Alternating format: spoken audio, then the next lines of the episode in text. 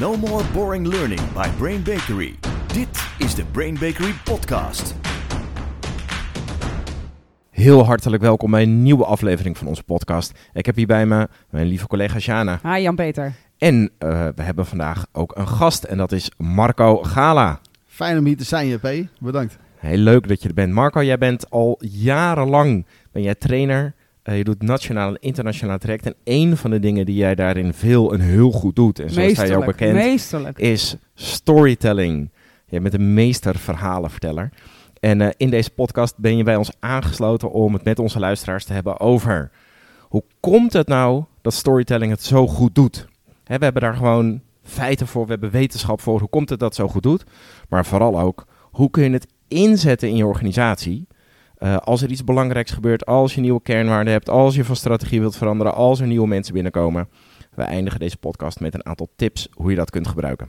Marco, ik wil ook eventjes ruimte geven aan de stem van de misschien wat cynische luisteraar uh, richting storytelling. Wat hoor jij en wat zeggen die? Ja, heel goed. Ja, je hoort natuurlijk van dat storytelling vaak als, als iets softs wordt gezien. Hè? Van, uh, joh, dat is voor bepaalde organisaties geschikt. Maar wij voor de gaan... softere organisaties ja. die gevoelig zijn, zoals de kinderopvang, daar Precies. kan dat, maar niet bij ons. Wij nee. zijn een serieus bedrijf. Ja, en uh, bij ons past het helemaal niet. Mensen zijn er helemaal niet open voor. Uh, trouwens, ik vind het ook helemaal niet leuk. Nee, dat is niks voor ons. Ja. Het wordt ook gezien vaak als een hele klus om dat helemaal te gaan bedenken. Hè. Je moet dat helemaal ervoor gaan zitten en dan volgens een bepaalde methode uit gaan werken. En dan hebben veel mensen al gegeten en gedronken. Ja. Die denken, laat maar zitten. Ja, het, het, wordt ook een beetje gelinkt aan, aan sprookjesachtig. Hè? Ja. Dus een beetje... Uh, er was eens. Ja, en, en, en het is niet echt waar. Het is niet echt maar gebeurd. Dus ik moet dat verzinnen. Ik ben geen optimist, ik ben een realist. Laat zitten, ja. die storytellings. Ik krijg ook wel eens te horen, het is ook zo'n hype. Het is gewoon een mode iets. Het waait wel weer over. Ja. Ja. Dat hoor je ook vaak. Ja. Ja, en ze hebben allemaal ongelijk. 100%. ja. Het, het, is echt, mensen, de simpelste, de makkelijkste tool om mee te gaan in een bedrijf. En, en dat kan in werkelijk ieder bedrijf. Of het bedrijf nou alleen maar over geld, cijfers en dat soort dingen gaat. Of dat het een heel gevoelig bedrijf is. Maakt niet uit. Het werkt omdat het mensen echt meekrijgt en aanzet. En je bent gewoon een knurft als je het niet inzet. Ja, het mooie is dat of je het nou bewust inzet of niet. Het is er al heel wat argumenten die mensen kunnen hebben tegen storytelling. Ben je aan het luisteren en zit je in een organisatie waar nog niet iedereen overtuigd is van storytelling? Wat soms heel logisch kan zijn dat ze daar nog niet van overtuigd zijn. Want ze missen gewoon informatie. Ja. Precies. En wat wij gaan doen, we gaan eerst even inzoomen op wat is nou de wetenschappelijke kennis? Waarom werkt het zo goed, storytelling? Juist. Marco, wat, wat zou jij op nummer 1 zetten van redenen die we weten waarom het zo goed werkt? Ja, Sjaan, dat heeft te maken met dat je in het bedrijf wil dat mensen dingen onthouden en, en daar ook naar gaan handelen. Mm. En als je dan kijkt naar het brein, dan hè, er zijn talloze studies gedaan en er is uh, talloos wetenschappelijk onderzoek gedaan dat het brein onthoudt geen data, maar betekenis. Dus het gaat niet zozeer om de informatie die je geeft, maar veel meer aan de betekenis die eraan gekoppeld wordt. Want dat slaat het brein op. Dus jij zegt eigenlijk data alleen, dat neemt je brein niet op. Als je een storytelling doet, een story heeft per definitie een verhaal, heeft betekenis. Ja. Dus door het te verpakken in een verhaal, krijgt het betekenis en is de kans dat mensen daarna handelen veel groter. Yes. Top. Dat doet mij denken, wij waren natuurlijk een keer op de ATD.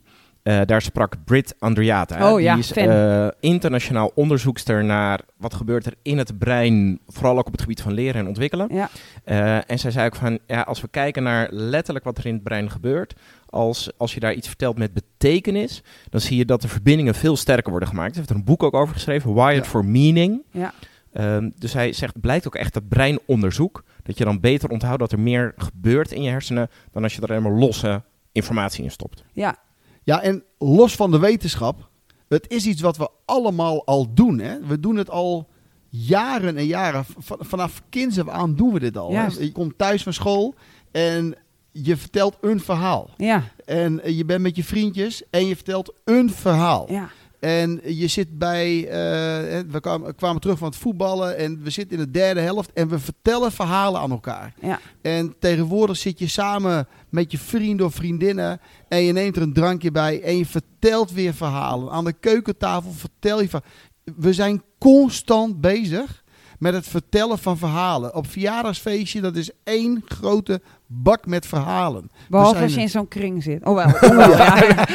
nou ja, dan, ook dan zijn er verhalen. Maar oh, dan wordt het wel een beetje Ja, boring. Ja, Ja. dat is, dat is Ja. dat, eh, Maar eigenlijk zeggen we dus, het werkt vanuit de hersenen. Want je hersenen onthouden graag betekenis. En jij zegt, jij voegt eraan toe. En we kunnen het ook allemaal. We zijn eigenlijk allemaal goed in storytelling. We doen het allemaal Ja. al, ja. ja. Oké, cool. En wat ik wel leuk vind om eraan toe te voegen is... Ik heb een keer gehoord hoe lang we al stories vertellen.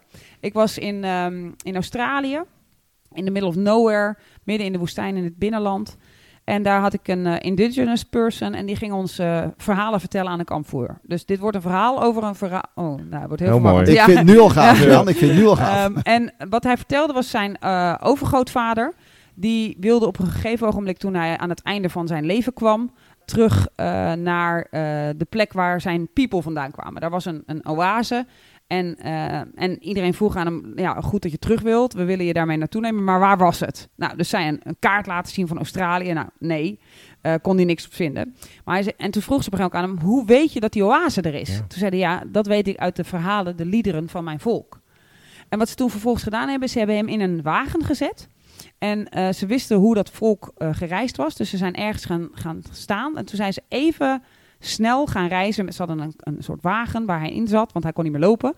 Dus even snel gaan reizen als ze toen stapvoets, want ze, ze liepen toen eh, Mhm. in, in, in de vroegere tijden, in de, weet ik veel, duizenden jaren geleden. En toen is hij het lied, wat hij dus kende, gaan zingen. Met daar zien we dan de grote boom, daar zien we dan eh, het dal, de vallei, daar hebben we dat uitzicht. Oh. En zij volgden die route en ze konden dus terugvinden met elkaar waar die oase was. Aan de hand van de verhalen die zijn voorouders generatie op generatie op generatie hebben doorgegeven. En hij had dat verhaal nog in zich en kon dus een laatste blik werpen op de oase die ooit gevonden was door zijn, door, door zijn peoples. Ja. ja. Dus de, Ja. de losse data was weg. Ja. Hij En hij kon ook op- niks met hij de kon kaart. het niet op de kaart Nee. aanwijzen. Eh, drie kilometer. Ja, ja, maar de verhalen die gaan van generaties over en die betekenis die blijft. Ja, dus, dus ik denk dat het belangrijk is voor onze luisteraars en ook voor de mensen die, die er wat kritisch in staan. De verhalen zijn er al. Je hoeft niet iets nieuws te bouwen. Dat kan ook, maar dat is een hele andere podcast. Ja. Maar ga vooral ook op zoek naar wat er al is. Ja, en het zit, dus, het zit echt helemaal in onze biologie, eh, blijkt dus wel. Ja, Ja. Ja. ja want, want als ik aan jou, eh, met jou wat ga drinken en eh, ik ga aan jou Graag, vragen... Ah, leuk. Borrelkoning. en ik vraag aan jou, joh, hoe was je week? Dan denk ik niet dat jij je agenda openslaat Nee. en zegt... om 9 uur had ik dit, om 10 uur had ik dat, om 12 uur had ik dat. Want dan, dan denk ik dat ik gauw afhaak of, Ja. je, of je door elkaar rammel of heel veel drank in gaat gooien. Want ik wil natuurlijk je Ja, hoogtepunten het en je verhaal van de dieptepunten. week. Ja, Ja. precies. Eh, dit was heel gaaf en dit was verschrikkelijk. En die aan, daar hadden we een aanbesteding en die hebben, zijn we niet geworden of wel geworden. Nee, die, die wil ik horen. En niet eh, een data-opsomming. En, en, en om de gelijk de vergelijking door te trekken. Ik denk, Marco, wat we heel veel zien in bedrijven is dat er is iets met de, met de strategie of er zijn cijfers bekend. Dan gaat er een, een, een manager voor de groep staan en die denkt dan dat hij impact maakt op zijn mensen door 15 slides met de cijfers te gaan laten zien. En die Ja. cijfers ook nog voor te lezen. Dat klinkt een beetje als wat jij net zei over JP. Hè? Hoe was je week? Nou, maandagochtend om 9 uur deed ik dat. En zo gaat hij zijn hele week door. Ja. Zo voelt dat een beetje. Dus hoe verwacht je dan dat je mensen überhaupt aangehaakt blijven? Hè? Ja. Ja. Ja. En, en dan wil je ook nog dat ze enthousiast worden. Ja, of dat ze er iets aan gaan doen. Of dat ze Ja. in vuur en vlam raken. Oh, Ja, deze cijfers precies. ga ik omkeren. Ja. Maar de cijfers aan zich brengen niets teweeg. Je Nee. kunt het ook zien aan je, aan je publiek. Je publiek gaat niet rechtop zitten. Gaat Nee. niet dieper ademen. Gaat niet vooroverleunen. Gaat niet interactie doen. Die gaat gewoon aanhoren. Sterker en dan, nog, Sjaan, je zou Ze kunnen, zakken achterover. Ja. je zou kunnen zeggen dat data zonder betekenis, dat dat een fire killer is. Ja, mooi. Laten we een experiment doen met hoe snel je brein betekenis geeft aan iets. Marco. Ja, het was vanochtend 9 uur en ik zit binnen. En op dat moment komt mijn collega binnen en die slaat keihard de deur dicht. Als het goed is, zijn jouw hersenen nu bezig gegaan met waarom sloeg ze- hij of zij die deur dicht? Was het een hij of een zij? Misschien heb je zelfs wel voor je gezien wat hij, had hij of zij aan? Eh, was het van, wat had het met negen uur te maken? Hoe Eh, ziet dat kantoor Hoe eruit? ziet het kantoor eruit? Maar ook, was er een file? Toch ineens weer een file? Hoe kan dit? Wat was er aan de hand met die collega? Als het goed is, is er een klein dingetje aangegaan in je hoofd. En dat is hoe snel je hersenen betekenis geven. Je kan niet... Nou, je weet dat je partner die hoeft maar te appen hoe laat ben je thuis. En als je 's ochtends bent weggegaan Ja. en het was echt romantisch de hele nacht. En eh, je partner doet hoe laat ben je thuis zonder emoticon, dan denk je oeh die wil vannacht weer. Eh, en op het moment dat je partner appt nadat je 's ochtends de vuilniszak bent vergeten buiten te zetten en je bent met een beetje hommel, weet je, zagrijnig ben je weggegaan. En je partner appt hoe laat ben je thuis, die denk, denk je Uh-oh. Oh oh, wat heb ik nou weer niet gedaan? ja. Dus onze hersenen geven voortdurend betekenis aan alles. Behalve als je ze ja, een hele saaie presentatie geeft. Ja, dus je hersenen kunnen dus eigenlijk niet, niet betekenis geven. Correct. We weten dus dat het werkt. Dat wij mensen geprogrammeerd zijn om betekenis te geven en dus om verhalen te creëren en te onthouden. Maar ja, nu zit ik in een organisatie als L&D'er of als manager. Marco, wat, wat moet ik hier nou mee? Wat moet ik nou doen? Moet je uren verhalen Ja. gaan bouwen? Moet je een soort schrift gaan aanleggen? Moet het beginnen met er was Moet ik een eens? sprookjesboek gaan? Wat, Ja, wat what is het? Ja. Ja, er zijn dus al heel veel verhalen in organisaties die je kunt gebruiken. Hè. Laat me een voorbeeld geven. Tien jaar geleden deden we een mooi trek bij IKEA. En het ging toen heel erg over klantbeleving, klantvriendelijkheid. En, eh, en hoe krijgen we die waarde tot leven? Hoe krijgen we dat eh, een soort In hun DNA of zo. exact? Ja. Ja. Ehm, een van de waarden die wel al leefde binnen IKEA was veiligheid. Oké, daar waren ze goed in. Daar waren ze heel goed in. Ja. En dus mijn vraag was op een gegeven moment: oké, wat noemen ze een voorbeeld waaraan ik kan aflezen dat dat zo belangrijk voor jullie is? Dat het veilig zo belangrijk Dat is. het veilig zo belangrijk is. En het voorbeeld wat ze toen noemden was een situatie waarbij Ingvar Kamprad, dat is de oprichter van IKEA, Oké, geen kleine baas. dat is zeker geen kleine baas, die kwam naar Nederland, naar eh, IKEA Amersfoort om precies te zijn. En hij liep daar in het magazijn. Maar hij liep daar zonder veiligheidskleding. Oké, En er was een stagiaire die op datzelfde moment in dat magazijn aanwezig was. Een jonge jongen. Die werkte nog niet zo lang. Maar die had wel heel duidelijk meegekregen dat veiligheid een nummer één is. ja. Ehm, dus die ziet een oudere man lopen. Hij herkent hem niet als Ingvar. En hij loopt naar die man toe. En hij vraagt die man vriendelijk of die mee wil lopen. Want het niet veilig is dat hij op deze manier in het magazijn rondloopt. Dus hij verzoekt hem om mee te lopen en hij begeleidt hem naar buiten toe. Terwijl zijn collega's, die al langer bij IKEA werkten en allemaal weten, want iedereen weet als Ingvar naar Nederland kwam destijds, dan wisten ze dat dat Ingvar was. ja. Ehm, en dan gebeurde er ook wat met mensen. Dus iedereen zag dat die jonge stagiair, de grote man, Ingvar, naar buiten begeleidde. en dat was een heel ding. Maar later die avond Mhm. heeft Ingvar een presentatie gegeven voor heel IKEA Amersfoort. En heeft deze jongen een zwaar compliment gegeven. En heeft gezegd, jongens, dit is wat ik bedoel met veiligheid. En dat veiligheid de nummer één waarde binnen IKEA is. Mm. Vanaf, vanaf dat moment hebben ze nooit meer heel veel data over veiligheid hoeven te vertellen. Het was gewoon één verhaal en iedereen begreep hoe belangrijk veiligheid was binnen IKEA. Dus in plaats van wat ze normaal deden met presentaties en veiligheidsfilmpjes, leerden ze nog wel waarom het belangrijk was. Maar ze vertelden dit verhaal erbij. Als je credits wil krijgen bij de grote baas, Yes. dan let je dus op en dan maak je geen enkele uitzondering. Niet voor je liefste collega en zelfs niet voor Ingvar. Exact. Ik ben zijn naam even kwijt. Ja. Marco, is het dan zo dat, dat jij zegt dat elk bedrijf al verhalen in zich heeft? Ja, 100%. Er- Er er leven al zoveel verhalen in het bedrijf. Laten we naar jullie zelf kijken. Oeh. J- jullie hebben ook kernwaarden. Klopt. Wat zijn, de- noem eens één kernwaarde. Eh, no assholes. No assholes. Ja. Laat mij nou eens weten een praktijkvoorbeeld waaruit blijkt dat jullie dat zo belangrijk vinden. Waarin kwam dat heel erg tot uiting? Heb je daar een voorbeeld van? Ja, dat weet ik wel. Ehm, ik had een lijstje gegeven aan Jan-Peter. Ja. Met, eh, dat had hij gevraagd met mijn top 5 aan klanten die, die ik ooit wel zou willen bedienen. Bij een van die vijf had hij, eh, had hij um, via LinkedIn, hele, hele goede manier, had hij geregeld dat wij bij de L&D-expert van dat bedrijf terecht konden. En we reden er samen heen. We waren echt ten times more Oh, excited. een we waren, zin. we waren zo vereerd. Eigenlijk was dat al het cadeau Ja. wat ik kreeg van jou. En toen kwamen we binnen en toen hadden we een gesprek. Daarbij ehm, werkte van alles niet.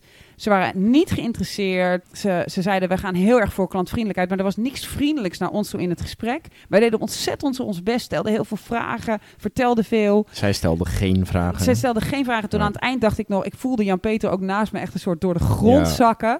En toen zeiden ze, ja, vriendelijkheid is hier heel belangrijk. Ook nog een beetje op zo'n toon. Ja. En toen vroegen wij aan het eind, toen dacht ik, nou, ik ga toch nog vragen, wat wil je nog van ons weten? Wat, wat, hè, want we zijn heel erg van relatie leggen. Wat wil je nog van ons weten? Nou, niks. Hebben jullie genoeg een offerte? en, toen, en die heb ik nog een keer gesteld. Toen hebben we afscheid genomen. En ehm, toen zijn we zijn in de lift naar beneden. Waren we met z'n tweeën. En toen heb ik al gezegd: wat zullen we doen? Zei Jan-Peter: ja, Dit zijn dus assholes. Ja. Hier moeten we niet mee werken. Eh, het Terwijl deed- het de, dro- de het deed pijn. droom. Ja, het Ja. deed echt pijn. Ja. Maar we wisten, we voelden gewoon, No. dit past niet bij ons. Ja. Ja, geweldig verhaal. Dus hiermee zet je met één verhaal heel duidelijk, maar no matter what, we werken niet met assholes, dat past niet bij ons Ja, weg. ja, Zo duidelijk. ja, En dan kun je een heel boek over schrijven, maar één voorbeeld, ja. dat zegt alles. Noem nog eens één. Wat is nog, nog een kernwaarde? Ah, we hebben ook nog eh, create art, not copies. Oeh, die is lekker. Waaruit blijkt dat jullie die heel erg aanhangen? Waarom is het zo belangrijk? Noem eens een praktijkvoorbeeld. Nou, een tijd geleden zaten we met een groep trainers te brainstormen om een, eh, om een traject te ontwikkelen. En toen kwam één van de trainers. En dat oh was, ja, dat was een nieuwe. ja, Ja, ja. dat was een, een, een voor ons nog wat een relatief nieuwe trainer. En die kwam ook met ideeën, wat heel goed was, maar die kwam wel met ideeën. Die kwam op een gegeven moment aanzetten met situationeel leiding geven. Ja. Ken je nog, de Roos van Leary. Ja, En op een gegeven moment ook nog met zenderhuisontvanger. ja, en, de sandwich-methode van het feedback geven. Ja, ja. Ja. Ja, en toen merkten we toch, en dat deden we in, in liefde, maar merkte dat alle andere trainers die wel door ons opgeleid waren, ook gewoon een beetje om zaten te grinniken. ja. Want dit is wel een soort, ja, de jaren tachtig willen hun modellen terug. ja. En dat is, niet, dat is niet wie we zijn en hoe we het doen. We willen iets nieuws creëren en niet maar blijven herhalen wat iedereen al de jarenlang vorige kent. eeuw, Ja. wat toen werkte, maar nu al lang niet meer. Of als het nog werkt, dan heeft iedereen het al tien keer gehoord, dus is er niks vernieuwends meer aan. Nee. Ja. Ja. Gaaf. Dus, dus als ik jullie zijn gewoon elk traject is gewoon totaal weer iets anders. Ja. er zit soms Gaaf. wel eenzelfde lijn in of eenzelfde Ja, ja, ja, gevoel, maar, Ja. maar het, moet, het moet passen bij die doelgroep. Ja, ja, ja. ja, ja. ja. ja. Ja, super gaaf. Ja. Eh, jullie hebben er drie, Ja. weet ik. Wat, wat- Firelighting the World is de laatste. Oeh. Ja.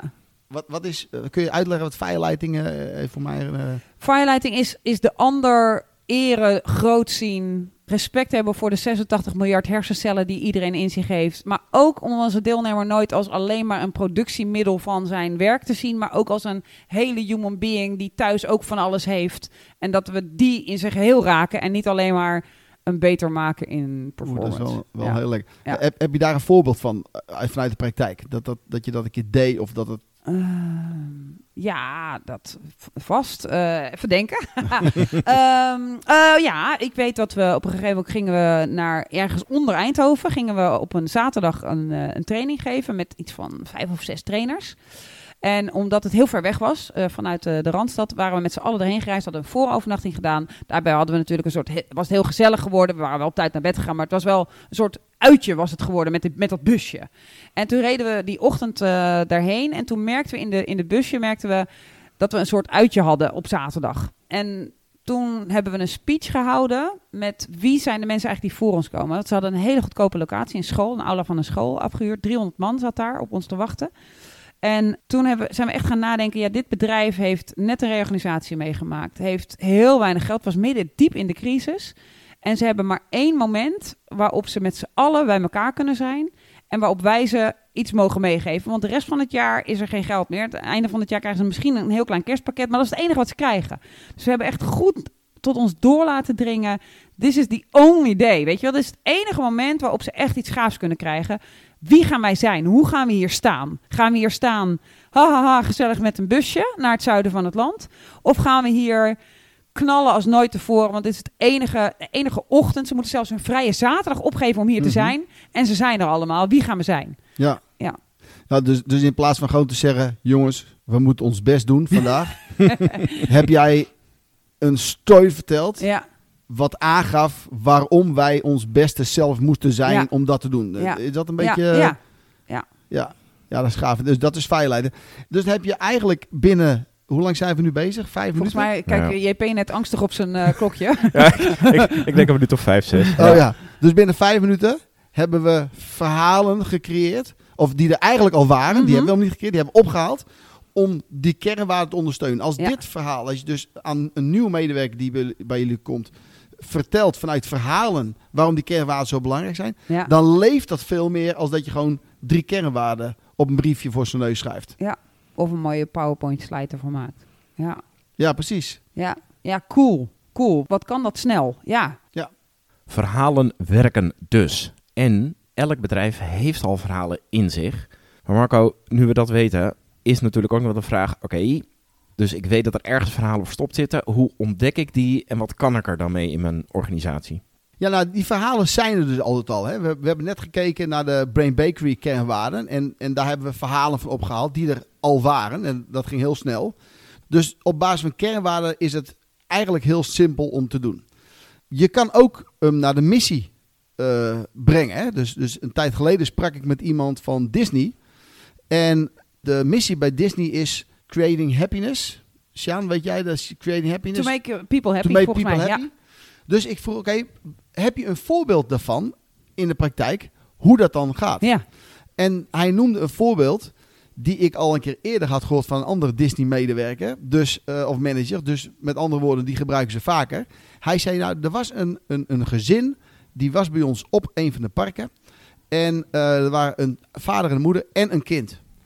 En die waren een paar dagen waren die op het park. En vanaf de eerste dag was dat kind was ziek, Oh. helaas. He- Dan heb, gespaard. dan heb precies. Eindelijk erheen. Dan heb je een Kindziek. uitdaging, hè? Ja. dus die ouders die zaten op een avond, gingen ze toch maar uit, eh, uit, het, uit die kamer en gingen ze aan een bar, gingen ze wat drinken. En op dat moment bespraken ze met elkaar, ja, en wat nu? Hè? Ja. Hoe, hoe- hoe gaan we hier nog het beste van maken van deze dagen?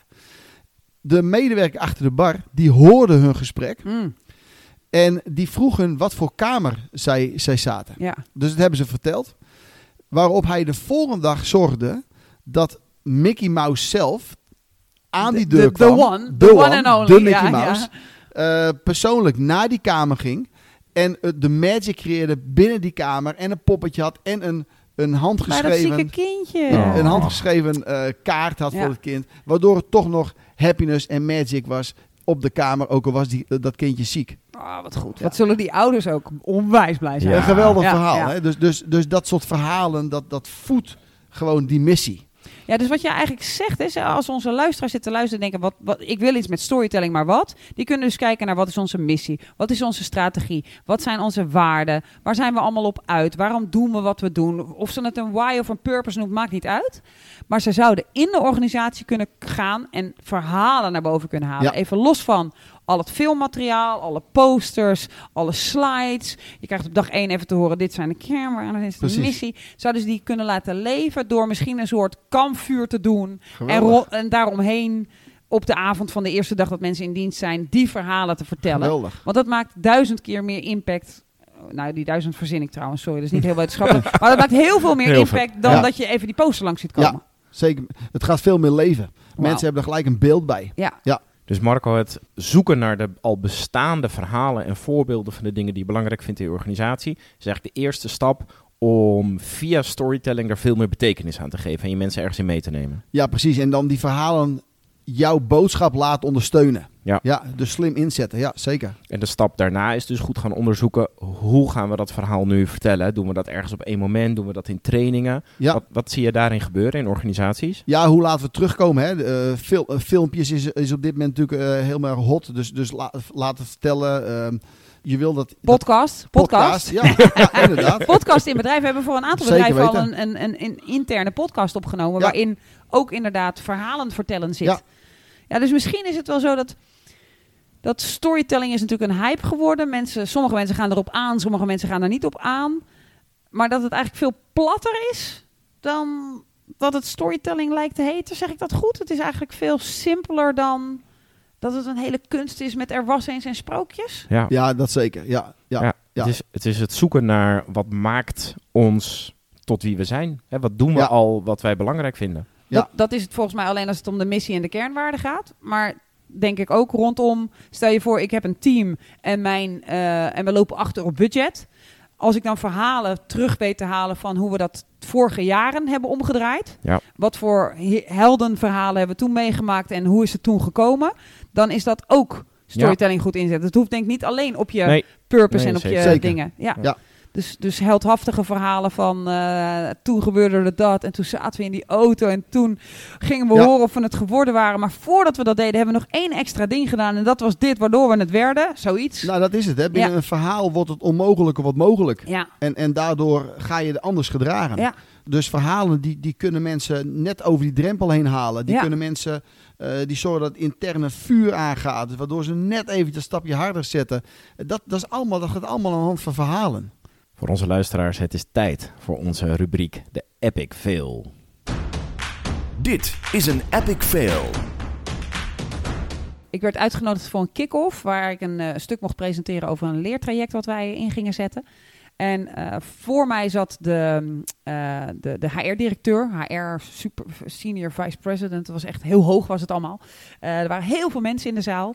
En die HR-directeur die ging een, een aantonen waarom er betere klantbeleving moest komen. We gingen leuker doen voor de klant, maar ook veel leuker doen voor de medewerker. Dus employee engagement was het helemaal. En die HR-directeur presteerde het vervolgens om... ehm, ze had 13 slides Hmm. met alleen maar data en gegevens over employee engagement, over cijfers die eruit waren gekomen uit de laatste statistieken en allemaal cijfers. En ze concludeerde met, dus we gaan het beter doen. Maar de hele zaal, die dus ging, die te horen kreeg, we gaan leuker met jullie om, werd dus doodgegooid. En, en, en het erge was, ze had de beste intenties. Hè? Ze had er maanden Ja. studies van gemaakt.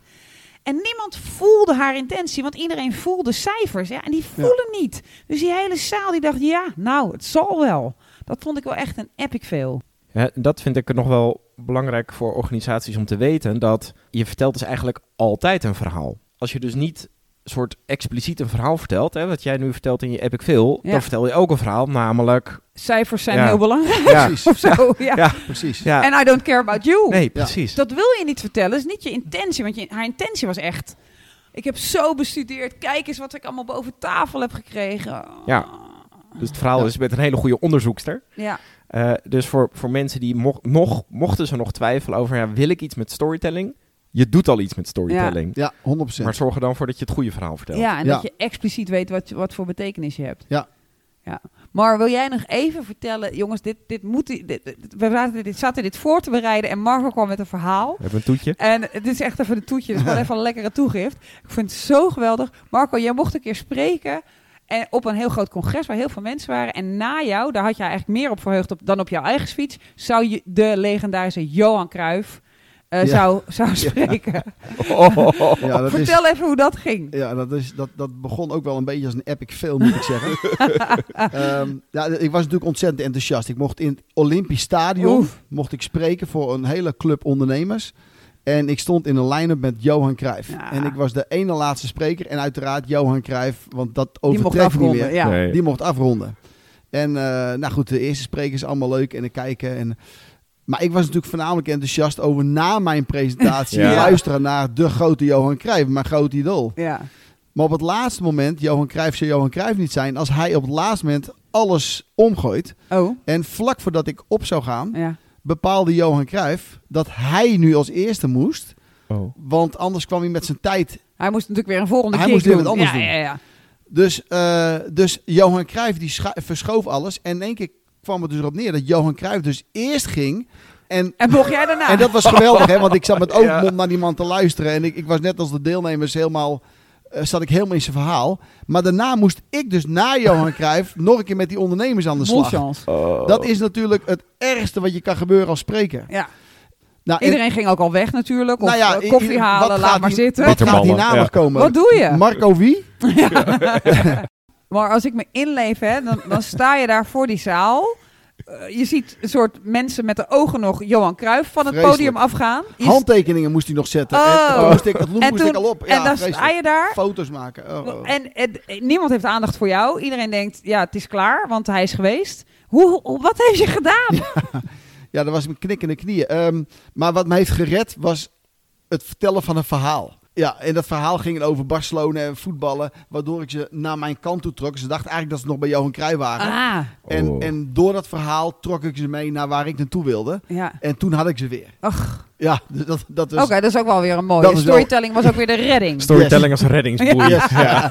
Onthoud dit mensen. Ja. Storytelling kan je redden als het water je aan de lippen staat. 100%, ja. Goed, storytelling werkt. Het creëert betekenis. We denken in betekenis. We, we We doen het al in de hele dag. We doen het al 600 Precies. miljoen jaar. Ja, je Ja. kunt er maar beter aan beginnen, want je doet het toch al. Dus vertel dan je goede verhaal. juist. Ja. Marco, dankjewel voor je komst. Jongens, waanzinnig dat ik hier mocht zijn. Ik vond het echt super met jullie zo eh, dit door te lekker te sparren. Om Heerlijk. verhalen te vertellen. Ja. Lekker hè? Heerlijk. Ja. Sjane, dankjewel. Dankjewel Jan-Peter. En voor iedereen heel graag tot de volgende keer. No more boring learning. Dit was de Brain Bakery podcast. Wil je meer weten? Kijk dan op brainbakery.com of volg ons op onze socials.